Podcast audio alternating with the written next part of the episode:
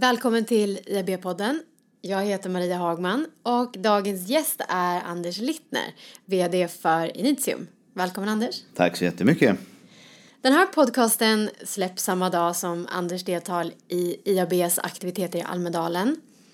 Vårt tema under veckan är framtidsspaningar. Och Anders, du ska prata om hur ser nutid och framtid ut för det mediebolag vars villkor är lönsam journalistik. Varför det här ämnet just nu? Ja, men vilken pretentiös titel, jag ber om ursäkt för det. Men det, det, det, här är ett kärt gammalt ämne. Jag tycker att det finns, just där vi är just nu är det väldigt viktigt tycker jag att prata om mediernas roll i demokratin. Mm. Kan du utveckla varför du tycker att det är så? Ja, det kan jag. Ja, men alltså jag har någon sorts tes här om att, om att det är farligt för demokratin om det inte går att köra, tjäna pengar på fri journalistik. Och att det, är, det där håller på att bli ett rejält hot mot hela liksom, opinionsbildningen och vår bild av världen. Tycker du att de kommersiella bolagen spelar en större roll än de statsägda i det här fallet? Nej, det tycker jag verkligen inte. Jag tycker att public service-kanalerna har en jätteviktig funktion, tycker mycket om dem och eh, det är inget prat om det. Men om vi tittar på vilka övriga mediebolag idag som ägnar sig åt nyhetsjournalistik så är de just det, nämligen bolag. Och det betyder att i praktiken betyder det om man läser aktiebolagslagen att det är nästan olagligt för de som leder de bolagen att inte försöka tjäna pengar. Det är liksom deras jobb att göra journalistik med, under lönsamhet. Och lyckas de inte med det så försvinner de. Och jag tror samtidigt att den typen av bolag har en väldigt viktig roll i demokratin. Dels för att såklart nyhetsförmedlare, både kommersiella nyhetsförmedlare och public service berättar hur världen ser ut. Men också för att de granskar makt och, och så att de som utövar makt blir lite skraja och vet att ja, men det finns risk att någon knackar på här om jag gör bort mig så jag låter nog bli och, och missköta mig. Liksom. Och det, den rollen har även då de kommersiella medierna. Men idag kan ju vem som helst nästan sätta upp en sajt och pumpa ut nyheter med olika vinklar. Det finns ju olika, um, olika politiska vinklar kanske eller olika andra intresseorganisationer. Ja, men det, och det är egentligen precis de medierna som jag pratar om, de som inte är av den typen. utan det finns någon sorts rädsla för att kommersiella medier eh, bara vill tjäna pengar och alltså inte fyller någon roll i demokrati. Men i själva verket så är det nästan tvärtom så att de är ofta bemannade av journalister som har läst en lång utbildning och lärt sig att försöka beskriva världen. Givetvis kan jag aldrig ta bort personer ur den beskrivningen men så, så troget det går. Men samtidigt så finns det ju då en massa medier idag som inte behöver gå med vinst och som är finansierade av intressegrupper där det egentligen handlar om att sätta samman ett nyhetsflöde för att summan av det ska ge intrycket av någonting som, som leder en opinion någonstans. Och det är inte samma sak, även om det kan vara duktiga skribenter där bakom också. Så det är ju egentligen just svårigheten att tjäna pengar. Det, det är det som är hotet mot demokratin, inte eh, Alltså det är lätt för oss att själva betala för någonting för att driva en opinion men det är svårt att driva objektiv journalistik om man inte tjänar pengar. Nej. Så vad är, eh, vad är lösningen idag? Vart är vi på väg? Ja, nej, men det finns så många, eh, det finns, ja, vart är vi på väg? Det finns ganska många aspekter av detta. Jag tycker också man kan liksom prata om vad, vad, vad, eh, utifrån ett rent demokratiperspektiv så är ju, skulle man nog våga säga, demokratin ganska hotad idag. Det finns från flera kanter grupper som tycker att vi bör ha mer auktoritära samhällen. Och dels finns det väl människor som tycker att nationalekonomiskt så att i dessa tider av artificiell intelligens, algoritmer och, och automation att det som förr var marknadsekonomins logik, att de som ägde rikedomar, de gjorde sig rika genom att skapa arbetstillfällen. Idag gör sig rika genom att ta bort arbetstillfällen. Och, det där, och det är läskigt och då måste vi kanske ha väldigt auktoritära stater som ser till att vi fördelar resurserna. Då sneglar vi kanske på Kina till exempel. Det finns många sådana blickar. Samma gäller egentligen klimatfrågor. Att det är svårt för politiker att driva igenom tuffa klimatförbättringsåtgärder om de kan bli röst, bortröstade fyra år senare. Och då finns det de som menar att ja, vi behöver nog bort från den där fria demokratin. Och sen finns det liksom på andra sidan den linjen så finns det då de här nostalgiska, etnocentriska, nationalistiska sajterna som, eh, eh, som också åberopar väldigt auktoritära ledare, liksom Putin, Orban, Trump och det är, vi ska inte ha den här fria demokratin. Och det här är ju grupperingar, egentligen på bägge sidor, som har lärt sig att uppträda med journalistikens lånta fjädrar just genom att göra sajter som inte behöver gå med vinst och där redaktionens jobb inte handlar om att göra ett vettigt urval för att spegla världen utan att göra ett urval som skapar känslor som driver en opinion. Mm. Och det är det som blir kvar istället om, om de bolagen som inte har det lika lätt att tjäna pengar i den här världen in, försvinner. försvinner liksom. Mm, ja. mm. Men då har vi ju å andra sidan eh, företag som Google och Facebook. Och vad, hur, vad ser du de spelar för roll i att hjälpa till att sprida, eh, sprida det fria ordet? Ja, nej, men, jo, det sprida gör de ju väl så bra får man väl säga. Och de är ju gigantiska, eh, alltså sinnessjukt stora. Alphabet, Google-koncernen har idag ett BNP som är eller har en omsättning som är större än BNP hos 73 procent av världens länder. Alltså det är helt absurt så stora de är. Facebook är bara hälften så stora, ändå är de större ekonomiskt än typ Serbien. Men, och, och, ja, och vad, förlåt. Så är, de, så är de ett hot eller en tillgång? Nej, det är det. poängen är att de blir ett hot. Inte för, för de här är ju också kommersiella företag. Och då är per definition på något sätt vare sig onda eller goda. De drivs av kommersiella idéer. Men deras affärsidé är ju inte att med professionella utbildade journalister berätta hur världen ser ut eller att avslöja maktmissbruk och missförhållanden. Det, utan de delar åsikter lika gärna som de delar fakta och, och journalistik. Så det ligger hos gemene man att göra tolkningen nu då? då vad, är, vad är fakta och vad är åsikt? Ja, för problemet med techjättarna om man, om man får göra dem till en del av problemet är egentligen att de tar pengarna. Det, om det är 60, 70 eller 80 procent av alla annonspengar idag på liksom västvärlden som går ner i de två koncernerna så är det pengar som förut hamnade hos regionala, lokala, nationella mediebolag på hemmaplan. Och det har ju vinklippt deras förutsättningar att avlöna journalister för att berätta vad som händer i Örebro ikväll. Mm. Så på det sättet så utgör de också ett hot även om jag inte vill tillskriva dem något medvetet hotande. Det är inte det de håller på med liksom. De är bara ett företag precis som de andra ja. tidningarna. Ja, det är affärsidén som inte är journalistik och därför så är det än svårare att driva den typ av journalistik som jag tror att vi alla tycker är liksom viktig i demokratin. Att det finns de som berättar hur det ser ut så vi kan fatta kloka val och, och som just ut, utgör det hotet mot makthavare att ja, men om jag gör av med alla kommunens pengar på min egen villa då kommer det komma en journalist här och sätta dit mig så jag låter mm. bli det. Liksom. Å ena sidan alltså så, så måste vi ha fri tillgång till kommersiell journalistik så att, vi, så att, man, att alla kan få del av det de skriver.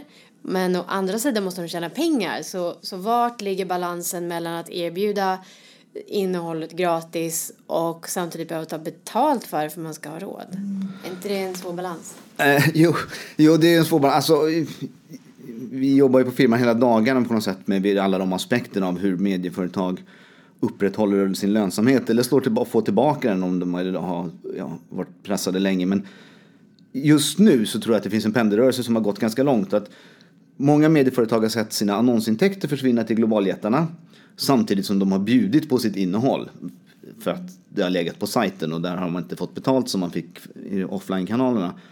Och nu finns det någon sorts eh, pendelrörelse åt andra hållet som är vi fokuserar väldigt mycket på läsarintäkter. Och jag tror att den är lite farlig om den får gå för långt den pendelrörelsen. För, för det första så får man inte som medieägare trogna betalare om inte det finns en efterfrågan på ens innehåll och det är bra och det är ärligt och allt det där. Och för det andra så tar det bort fokuset från en, en fantastisk möjlighet, nämligen att öka annonsintäkterna på ett sätt som publiken är med på. För just nu så tror jag världen ser ut så att traditionella legacy-publicister har väldigt bra förutsättningar att öka sin annonsaffär. Mm. Om du samtidigt kan göra annonserna mer riktade och mer specifika för du vet exakt vem som är inloggad, är det inte mer attraktivt att annonsera då? Jo, datadimensionerna är ju, är ju en sak av detta, även om vi kanske även där har liksom klantat bort oss lite på marknaden och trott att vi har att det är liksom nå exakt rätt cookie vid rätt ögonblick som är grejen reklam i alla fall funkar inte nödvändigtvis så utan den är nog lite mer masskommunikativ i sin...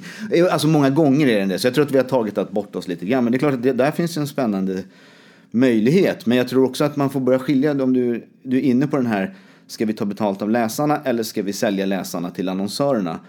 Om vi får betalt av läsarna, då ska inte de behöva se en pre-roll för att komma till klippet. Så att det är också en väldigt viktig sak att det är lite, man får nog lite välja väg och vara väldigt rädd om dem som tycker att innehållet är så bra att jag vill betala. Kan fortfarande ha reklam, mm. men det måste vara ganska snäll reklam. Liksom. Så hur ska de göra då? Om de måste, gå med, om de måste bli lönsamma? Nej, men jag tror väl framförallt så tror jag det handlar om att ta striden på annonsmarknaden. För eh, om man tittar på oss som bransch i liksom, eh, data och adtech-branschen så det, vi har vaknat alldeles för sent. Men idag tycker jag att vi kollektivt har ställt ut väldigt bra verktyg till publicisterna så att de kan liksom matcha de erbjudandena från globaljättarna när det kommer till bra annonslösningar, bra feedback till annonsörerna och sånt där. Och sen finns det massa andra trender, GDPR är en och, och annonsörernas krav på kontext och kvalitet är andra som gör att det ska vara fullt möjligt att eskalera annonsaffären. Så ta den fighten och sluta. Det har funnits någon sorts idé bland publicister länge nu om att stoppa floden men det är så gott det går. Men den rinner ändå till, till Google och Facebook. Jag tror det handlar mer om att vända floden nu. För det finns möjligheter att ta tillbaka de pengarna. Liksom. Så det tror jag är det kanske viktigaste tipset. Men, men, men med en väldig respekt för publiken. Mm. För det är, är det crunch time? Är det dags? Är det, är det nu vi måste göra det annars är vi på väg i en väldigt oönskad riktning? Ja, jag tror att det finns eh, påtagliga, påtagliga risker med att journalistik inte alltså långsamt eroderar som någon sorts valuta. När du och jag ses så är inte det viktigaste kanske att jag kan säga till dig jag vet vad som hände igår där vi bor. Utan det kanske jag såg den rätta tv-serien eller den rätta youtubern eller vad det är. Och då blir det, liksom, det blir en negativ spiral här där det blir svårare och svårare för medierna att, att tjäna pengar. Och då kapar de tjänster och då blir innehållet sämre. Och då sjunker vårt förtroende och vår användning går ner. Och till slut så står vi där i, en, i ett hav av åsiktsyttranden som, eh, som sliter isär oss lite grann som, mm.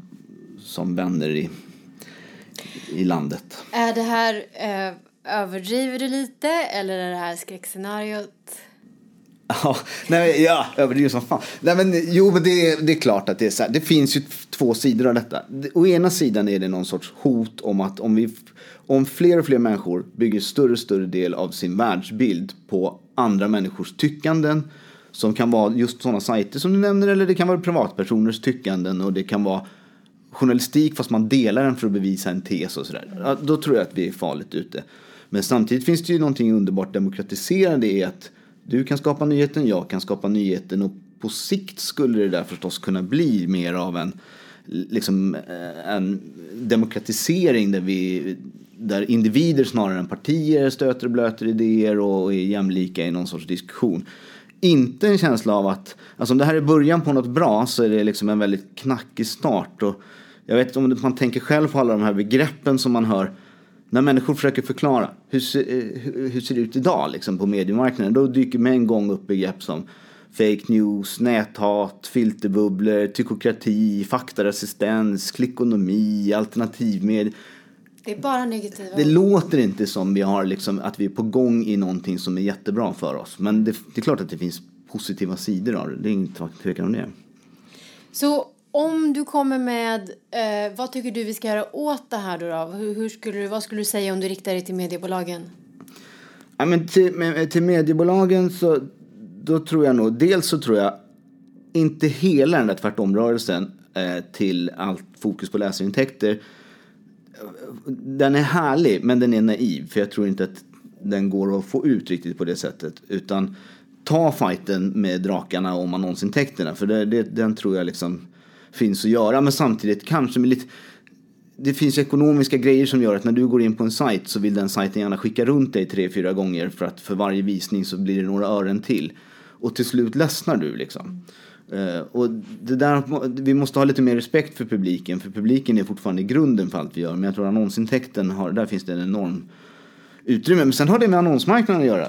Så man kan också vänta, vi kan ju fundera på hur annonsköparna ska agera i den här världen också. Det, vad har du för tips till dem då som annonsköpare? Nej, men, ja, det, det, där är det ju ännu tydligare så att en annonsköpare kommer inte köpa en dålig annons för demokratins skull. Alltså det, det är mycket begärt. Men, men däremot så tror jag att det finns de flesta stora annonsörer idag anlitar en mediebyrå och när man väljer mediebyrå, det sker med någon sorts pitch eller en upphandling eller någonting så eh, är ju liksom effektivitet en, en jätteviktig faktor.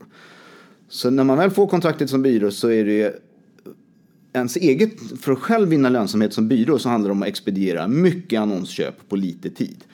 Och av, mest av tekniska skäl så har det gått snabbare och enklare att köpa de stora techplattformarna. Och man har dessutom fått trevliga data tillbaka på likes och conversions. Kunnat gå till annonsören och säga titta jag har investerat dina pengar väl eh, och alltså fått behålla kontraktet. Men, det, det, men den där snabbheten är lite bedräglig för att, ja, men jag ser rapporter som passerar mitt skrivbord varje dag som visar att bara för att det går snabbt att handla av de här plattformarna så är det inte säkert att det biter bättre eller ens lika bra. Det är mycket som tyder på att en bra traditionell nyhetsjournalistiskt varumärke levererar bättre annonskvalitet och bättre annonseffekter. Och idag har dessutom verktyg, jag tycker också som bransch där att vi har gett dem bra verktyg att visa att det biter. Så den skulle jag vilja säga, om jag fick säga någonting till annonsörer, att kanske fråga era mediebyråer då och då. Det är inte deras fel att det är lättare att handla av plattformarna, men är, var det verkligen, var det inte bara snabbt liksom? Mm. mm. Så nu har, du, nu har vi fokuserat på den kommersiella aspekten, men vad skulle du säga till dem, eller vad kan de politiska beslutsfattarna göra om något för att se till att vi hamnar i, på en plats där eh, fri och obunden journalistik, om det nu finns något sånt. Om det nu finns något kan, sånt, ja. Kan fortfarande existera i den här världen av filterbubblor och clickbait. Så. Men jag, jag tror väl egentligen kanske att eh, nästan rubriken här är, är själva eh, nyckeln att vilken mediepolitik som är bäst, det vet inte jag, det vet inte någon och jag hoppas att det för alltid blir en tvistefråga liksom, för det är en debatt vi alltid ska föra tycker jag. Men, men jag tror att vi måste tillskriva lönsamhetsfrågan ett, ett större perspektiv än det får. Det är väldigt viktigt för den fria journalistiken att de bolag som ägnar sig åt det kan göra det under lönsamhet. För det är skitenkelt. Kan de inte det försvinner de. Och, där, och då står de där propagandistiskt finansierade plattformarna och dina och mina åsikter i sociala medier som alternativet att bygga världsbilden på. Eh, och det här, om man bara tar med sig det som någon sorts ledstjärna så finns det ju många, alltså då har vi ju beslut kring reklamskatt, kring mediestöd av olika slag till tolkningar av vad medieföretag får göra med sin egen data. GDPR är ju ramen men den kan ju tolkas. Hur ser vi på konkurrensbegränsningar i samband med uppköp mellan bolag inom vår egen region? Är vi så rädda för den konkurrensen trots att alternativet kanske är kalifornisk konkurrens? Hur ser vi på direktiven till public service som vi liksom har enats om är viktiga men å andra sidan vad ska de ha för möjligheter att konkurrera med väldigt liknande plattformar med fria medier? Om man låter de lokala mediehusen och nationella mediehusens lönsamhet stå i fokus, ja men kan vi fortfarande tjäna pengar i den här världen, då tror jag att de politiska beslutsfattarna fattar klokare beslut. Mm. Känner du dig positiv inför framtiden? Ja, men jag gör det, eh, eh, måste jag säga. Därför att det finns en vändning nu i, i, till förmån för, för kvalitet, för kontext. För, och det har alltid funnits en, det finns en ständigt tilltagande längtan efter bra historier. Däremot så finns det nog, det får vi nog tillstå, en liten kris i journalistiken. Det är inte så att den svenska nyhetsjournalistiken är hovleverantör av de där historierna som vi längtar efter på dagarna. Men rätt förvaltat så tror jag absolut att det finns chans att vända. Och, och det är inte så att de som har tagit 60, 70, 80 procent av annonsinvesteringarna inte har egna problem just nu. Så det är lite bra läge att kliva fram och, och, och ta tillbaka dem. Liksom. Känns som att vi är vid en brytpunkt. Ja, verkligen faktiskt. Det måste jag nog säga. Mm. Mm. Det finns så otroligt mycket mer vi skulle prata om. Du har nämnt väldigt många fascinerande aspekter av, av, hela, den här, eh, av hela det här scenariot. Men våran tid börjar ta slut. Den gör ju alltid det. Så ja. du får komma tillbaka. Vad roligt. Mm. Det gör jag gärna. Bra. Så tack så hemskt mycket Anders för att du var med i IAB-podden och för att du har deltagit i IABs aktivitet i Almedalen 2018. Tack så hemskt mycket själv. Nöjet är på min sida. Och för dig som lyssnat, du hittar mer om IAB och våra poddar, våra handböcker, våra taskforce och våra events på iabsverige.se. Tack för att du lyssnat.